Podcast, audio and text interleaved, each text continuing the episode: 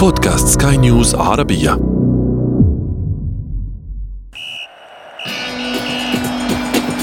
أثير الكرة.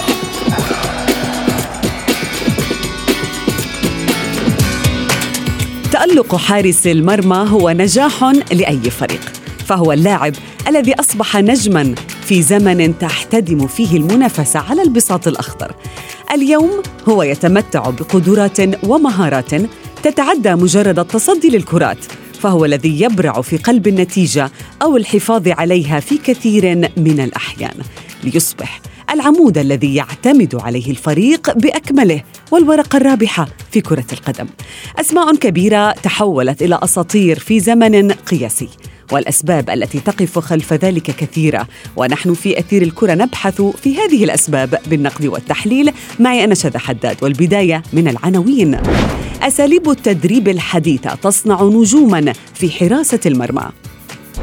ثورة في سوق انتقالات الحراس في المواسم الأخيرة والكرة الذهبية تداعب القفاز الذهبي. وفي فقرة ما لا تعرفونه عن كرة القدم نكشف لكم الحارس الذي غير قانون اللعبة المتعلق بالاحتفاظ بالكرة.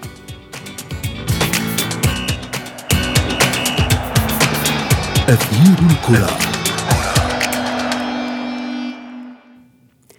نرحب بكم مستمعينا الكرام في حلقة جديدة من أثير الكرة وفيها آه، نخصص حديثنا اليوم آه، عن لاعب لا يركض كثيرا في الميدان لكنه يبذل مجهودا لربما أكثر من غيره في عالم كرة القدم الحديثة ليطرق أبواب العالمية ويحيي مركزا كان يوما ما في عداد المظالم.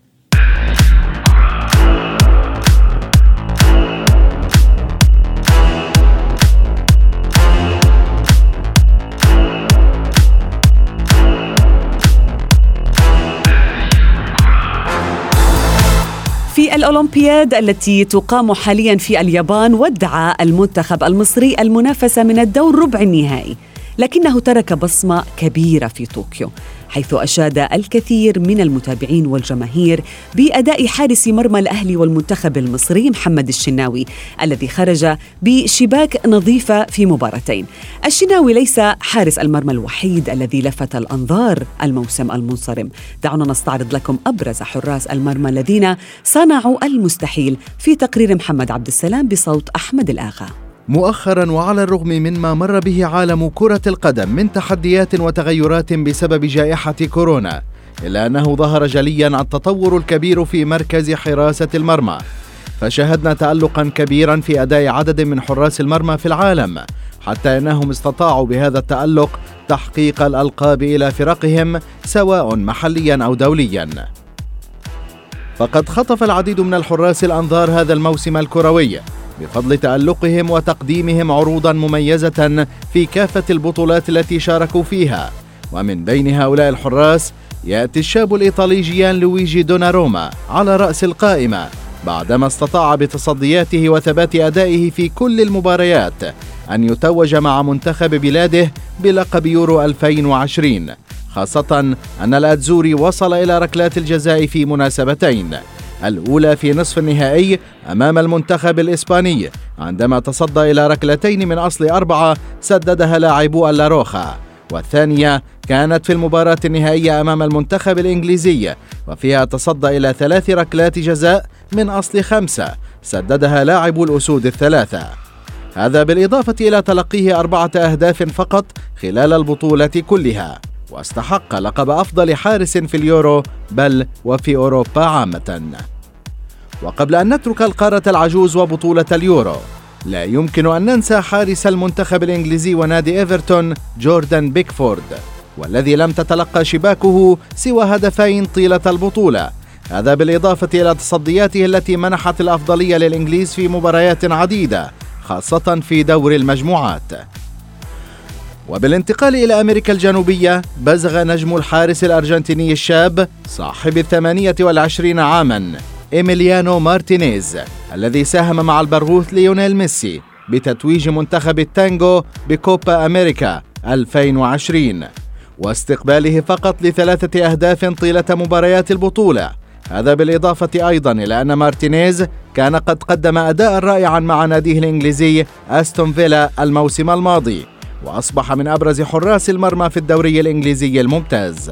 في ظل هذا التألق اللافت للحراس في العالم بزغ نجم المصري محمد الشناوي الذي كان محط أنظار وحديث وسائل الإعلام العالمية بعد الأداء الرائع الذي ظهر به خلال مباريات منتخب الفراعنة في أولمبياد طوكيو 2020 بالإضافة إلى تألقه الملفت مع منتخب مصر الأول في التصفيات المؤهلة لكأس الأمم الإفريقية وحصده مع النادي الأهلي لقب دوري أبطال إفريقيا مرتين متتاليتين خلال أقل من ثمانية أشهر فقط.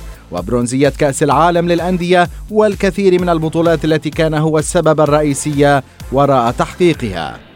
الكثير والكثير من الأمثلة التي لن تنتهي بشأن حراس المرمى وما يقومون به من أجل فرقهم والمستوى الرائع الذي وصلوا إليه مؤخرا.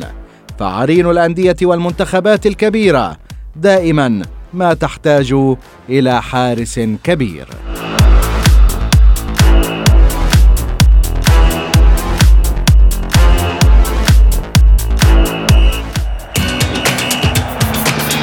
أثير الكرة.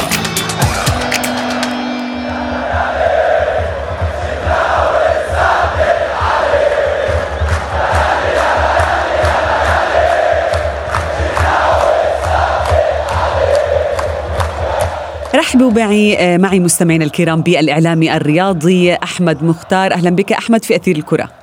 أهلا صباح الخير منورين. أهلا بك. وأيضا ينضم إلي الاعلامي الرياضي مجدي القاسم. مجدي مساء الخير.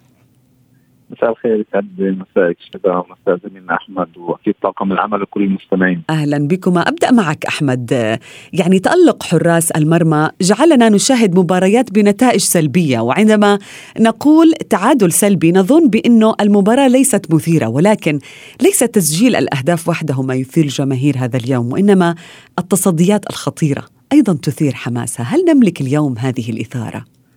آه طبعا يعني في 2021 ممكن نقول إن هو عامل حراس. آه، دايما كنا بنتكلم ونقول إن حراسة المرمى هو نصف الفريق.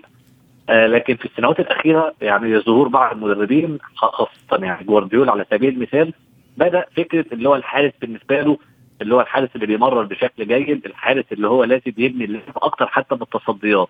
وده ساهم بعض الشيء اللي إحنا ما بقيناش بنشوف الحراس اللي هم الكبار أو اللي بيتصدوا لكرات عديدة. لكن في السنوات الأخيرة عادة النغمة اللي هو الحارس نصف الفريق بل الحارس كل الفريق. والأمثلة عديدة في كوبا أمريكا كان إيميليانو مارتينيز كان في يورو 2020 كان سومير وكان دوناروما.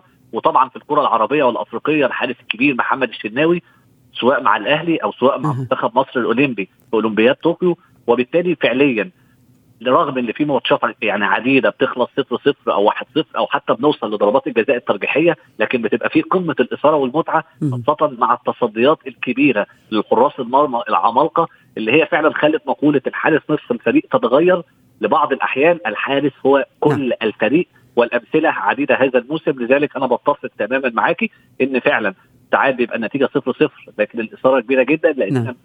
أصبح عندنا في كل الدوريات أو بطولات القارية والعالمية حراس كبار بكل ما تعنيه هذه الكلمة من معنى. نعم، مجدي هل تتفق معنا يعني هل آه بتنا نشاهد تصديات لكرة ببراعة وجمالية تسجيل الأهداف؟ بكل تأكيد أعتقد انه هذا جزء لا يتجزأ من منظومة كرة القدم هي منظومة جماعية حتى شذا يعني اسمح لي اني أركز على نقطة حتى ممكن فضل. كلنا كاعلاميين نوقع فيها لما نقول تشكيلة الفريق بيلعب بطريقة 4 4 2 أو 4 2 3 1 أو 4 3 لا نذكر الحارس. دائما دائما بيتم نسيان حارس المرمى مع إنه يعني قديما كنا نقول بأن الحارس نصف فريق والآن بدنا نقول الحارس يمكن أن يكون فريق بأكمله. يعني شغله نقطة في غاية الأهمية هنالك نماذج للحراس العصريين كمان والنوير والآن بدنا نشاهد حتى في مانشستر سيتي وفي ليفربول إيدرسون وأليسون بيكر وشاهدنا حتى دوناروما. بالتالي يعني قديما كان لحارس المرمى يكتفي فقط بالتصدي لمحاولات الخصم. في كرة القدم الحديثة حارس المرمى هو من يبدأ الهجمة هو من يعمل التغطية ومن يسجل أيضا. في بعض الحراس حتى يتقدموا في, في الأوقات بدل الضائع ويقومون بتسجيل الأهداف آه، كما حدث مع بونو. بالتالي حتى آه، أنماط الحصص التدريبية بالنسبة لحراس المرمى تغيرت. إذا يعني دور حارس المرمى تحول من رد الفعل إلى المبادرة أصبح هو من يبادر حتى يوجه اللاعبين هو بمثابة مدرب في أرضية الملعب وبالتالي كل ما يتعلق بحراس المرمى كل ما يتعلق بمنظومة كرة القدم نعم. مع هذا التغير لأدوار حراس المرمى كل شيء تغير في منظومة كرة القدم. كابتن أحمد ما صنعه محمد الشناوي مع المنتخب المصري يذكرنا دائما بصاحب القميص رقم واحد في بلادنا العربية وفي المنتخبات العربية، هل يختلف تقييم اليوم كيف يعني كيف تصنف محمد الشناوي ما فعله مع المنتخب المصري؟ آه، محمد الشناوي فعليا يعني في السنوات الأخيرة بيثبت إنه أفضل حارس في مصر. أعتقد هذه الكلمة يعني لما لما نقولها ما تبقاش اللي هي غريبة. وأنا من وجهة نظري الشخصية هو أحد أميز الحراس في الوطن العربي في الوقت الحالي. آه، محمد الشناوي يعني آه، مصر يعني الكرة المصرية بصفة خاصة. افتقدنا الحارس مثل عصام الخضري بعد اعتزاله لفترة طويلة جدا. دايما بعد الحراس اللي هم اللي إحنا بنسميهم العمالقة أو الاساطير بيغيبوا أو بيعتزلوا بتحصل فترة من الفراغ، فترة الفراغ دي استمرت في مصر لفترة أو لعدة سنوات. كان كل فترة بيظهر حارس نقول إن الحارس ده هو هيبقى أحسن حارس هو اللي هيعيد ذكريات الخضري لكن الضغوطات بتبقى كبيرة بيتعرض لإصابات ظروف ما يبقاش بطبيعته اللي هو الحارس اللي إحنا نقول عليه حارس مصر الأول أو حارس مصر أو الاوحد محمد الشناوي أعتقد هو الوحيد مش بقارنه بعصام الحضري لأن عصام الحضري لسه هو الأسطورة بالنسبة لي على الأقل الخالدة نعم. في وسط المرمى المصرية. لكن على الأقل الراجل بيبقى محمد الشناوي فيه من عصام الحضري اللي هو راجل حارس قائد حارس بيتصدي لكرات مهمة وحارس حقق نجاحات كبيرة جدا مع فريقه سواء في البطولات القارية أو حتى كأس العالم للأندية. وفي طريقه لتحقيق ذلك مع المنتخب الأول. محمد الشناوي أثبت في الأولمبياد إنه حارس كبير جدا حارس عملاق. أتمنى إنه يقدم هذا المستوى أيضا مع المنتخب الأول خاصة اللي إحنا كلنا شفنا على سبيل المثال في كأس العالم 2018 أول مباراة مباراة الأوروجواي ومنتخب مصر كان هو نجم المباراة في سابقة. أفضل لاعب نعم. آه بالظبط على على الملاعب العربية أو المصرية اللي يبقى حارس المرمى بتاعك هو نجم المباراة نعم. أو رجل المباراة. وبالتالي أنا شايف محمد الشناوي حاليا أصبح فعليا حارس كبير جدا. حارس ممكن نصنفه اللي هو أفضل حارس حتى في الوطن العربي بشكل عام ولما نقول كده مش هنلاقي اعتراضات كبيرة. كمان الحراس المرمى في ميزة اللي هو الحارس المرمى ممكن يتألق لحد ال 40 بمعنى إن الشناوي آه الشناوي صغير في السن لكن لكن فعليا يعني يقدر كمان سنتين ثلاثة أربعة خمسة يلعب بشكل كبير يملك من الوقت لربما لحصد المزيد من الألقاب. يعني كابتن مجدي ما أجمل أن نشاهد مثلا لاعب عربي وأفريقي يحقق آه يعني ألقاب مثل أن يكون أفضل لاعب في المباراة؟ يعني بكل تأكيد آه، كنا نطمح حتى عندما نتابع منافسات كرة القدم في دورة الألعاب الأولمبية كنا سعيدين جدا بما يقدمه الشناوي. أيضا نكون سعيدين جدا بأي عربي يتميز سواء على المستوى القاري أو على المستوى العالمي سواء في الدوريات الأوروبية أو حتى في في مختلف المنافسات. كنا سعيدين جدا بما قدمه الشناوي.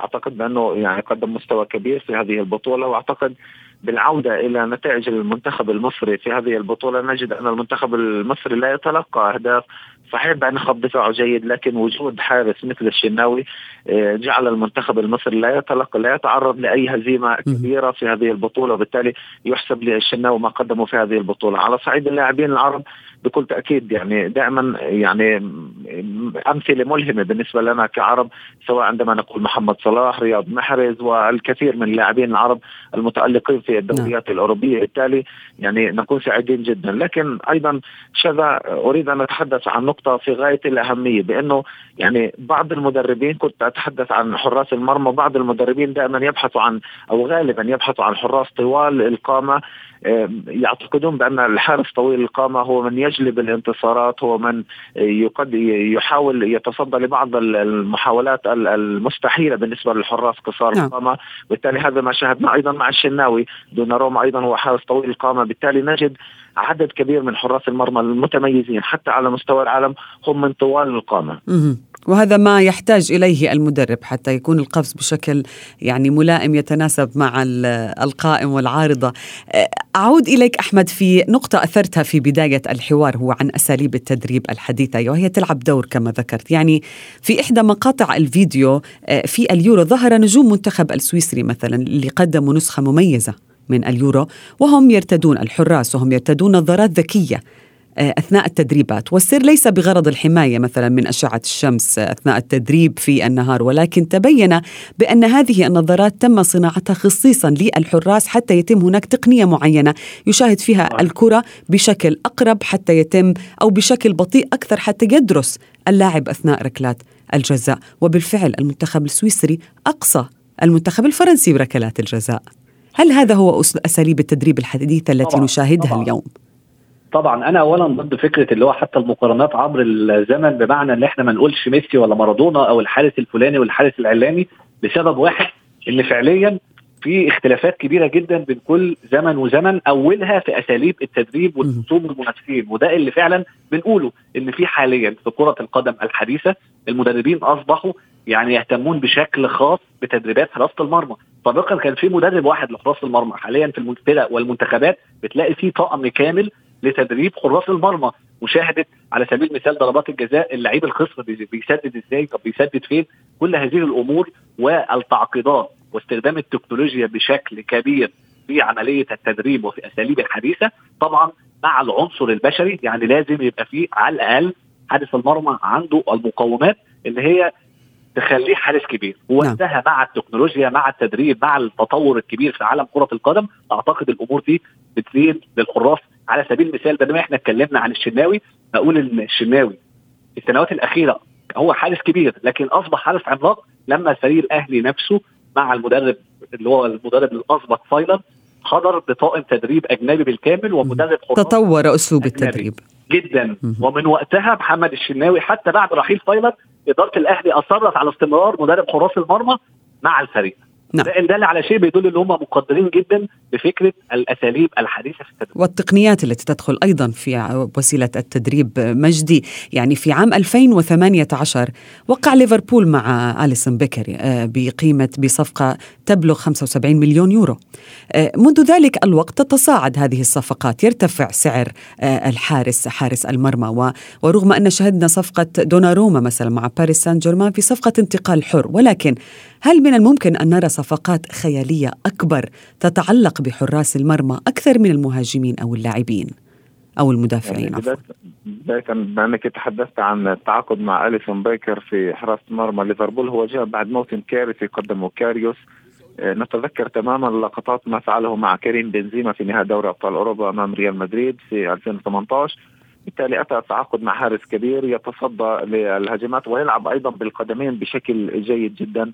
بالتالي هنا أتى التعاقد مع أليسون بيكر. الآن الأندية من يريد الألقاب دائما حتى في في كرة القدم هنالك مقولة بأن الهجوم يجلب الانتصارات وبأن الدفاع يجلب البطولات. والدفاع في عالم كرة القدم الحديث يبدأ من حراس المرمى وبالتالي لأي فريق يريد أن يحقق لقب دوري أبطال أوروبا ويريد أن يحقق لقب بطولة كبيرة عليه أن يجلب حارس مرمى قوي. عندما حقق ريال مدريد الثلاثية المتتالية في دوري أبطال أوروبا أعتقد بأن أحد أهم أسباب النجاح في تلك مم. الحقبة الزمنية المميزة كان وجود كيلور نافاس الذي تالق وأكمل هذا التألق مع باريس سان جيرمان بعد نعم. ذلك بالتالي أعتقد بأن حراس المرمى على صعيد الانتقالات يعني هنالك نوع من الظلم بحق حراس المرمى كونهم ربما ال- الأفضل والأميز في أي توليفة نعم. تحقق لقب سواء محلي أو قاري. أحمد يعني بالفعل هناك تركيز في الصفقات في الميركاتو على حراس المرمى ولكن بعد التوقيع مع دوناروما في باريس سان جيرمان نشاهد بأنه أصبح هذا النادي الباريسي لديه تسع حراس. أليس هذا أمر يعني مبالغ فيه؟ هل سيسبب أزمة بين الحراس؟ أتصور بأن يعني سياسة باريس سان جيرمان نفسها التعاقدية فيها أمر كبير من الاستغراء الغرابة يعني. يعني بي... عندهم نافاس حارس كبير وجابوا دوناروما وفعلا زي ما أنت بتقولي في تسع حراس ولا زالت حتى في معظم المراكز الأخرى. أنا بشوفها اللي هي سياسة أقرب للتكويش بمعنى إن دونارو- دوناروما كان فرصة كبيرة في الصيف الحالي لعيب اللي هو حر بدون تعاقد. أي نعم هيحصل على راتب كبير لكن يعتبر غنيمة كبيرة للفريق. وبالتالي كان التعاقد مع دوناروما أنا شايفه اللي هو حتى لو كان عندهم نفاس لكن دوناروما خيار للمستقبل مش بس للحاضر وبالتالي أنا أتفهم هذه الفرصة حتى وإن كانت عندهم حراس كتير أو عندهم عدد. كبير من الحراس في النهاية أعتقد وفق قوانين اللعب لازم آه، يكون في في المقابل بعض الأسماء ترحل في مركز حراسة المرمى سواء البدلاء أو البديل الرابع أو الخامس وإن كان أنا بشوف وجهة نظري الشخصية رغم إن أنا بختلف مع حاجات كتير من التعاقدات اللي بتعملها باريس. سان لكن دوناروما بالاخص أنا بشوفها فرصة فرصة ذهبية لأي نادي نعم. وأعتقد إن هم يعني كانوا لازم يخطفوا لاعب زي ده خاصة اللي هو مش بس مميز ولكن كمان صغير في السن. نعم. بشكل سريع مجدي هناك عدد كبير من الحراس الذين أبدعوا ولفتوا الانتظار. من منهم الأقرب لأن يكون مرشح مثلا لجائزة فردية مثلا؟ آه، الحذاء الذهبي عفوا الكرة الذهبية. هل من الممكن أن نشاهد حارس هذه المرة؟ يعني أعتقد بأنه من المستبعد أن نشاهد واحد من بين الثلاثة مع اني يعني قناعاتي الشخصية أعتقد بأنه وجود دوناروما ويان أوبلاك أعتقد بأنه سيكون من المنصف لحراس المرمى أن نعم. نشاهد حارسين كبيرين بهذا الحجم أوبلاك وتالقه مع أتلتيكو مدريد وخطف الدوري الإسباني نعم. أمام كبيرين بحجم برشلونة وريال مدريد وأيضا دوناروما ما قدم مع اليورو واحد في يورو 2020 شكرا جزيلا لكما الإعلام الرياضي أحمد مختار والإعلام الرياضي مجدي القاسم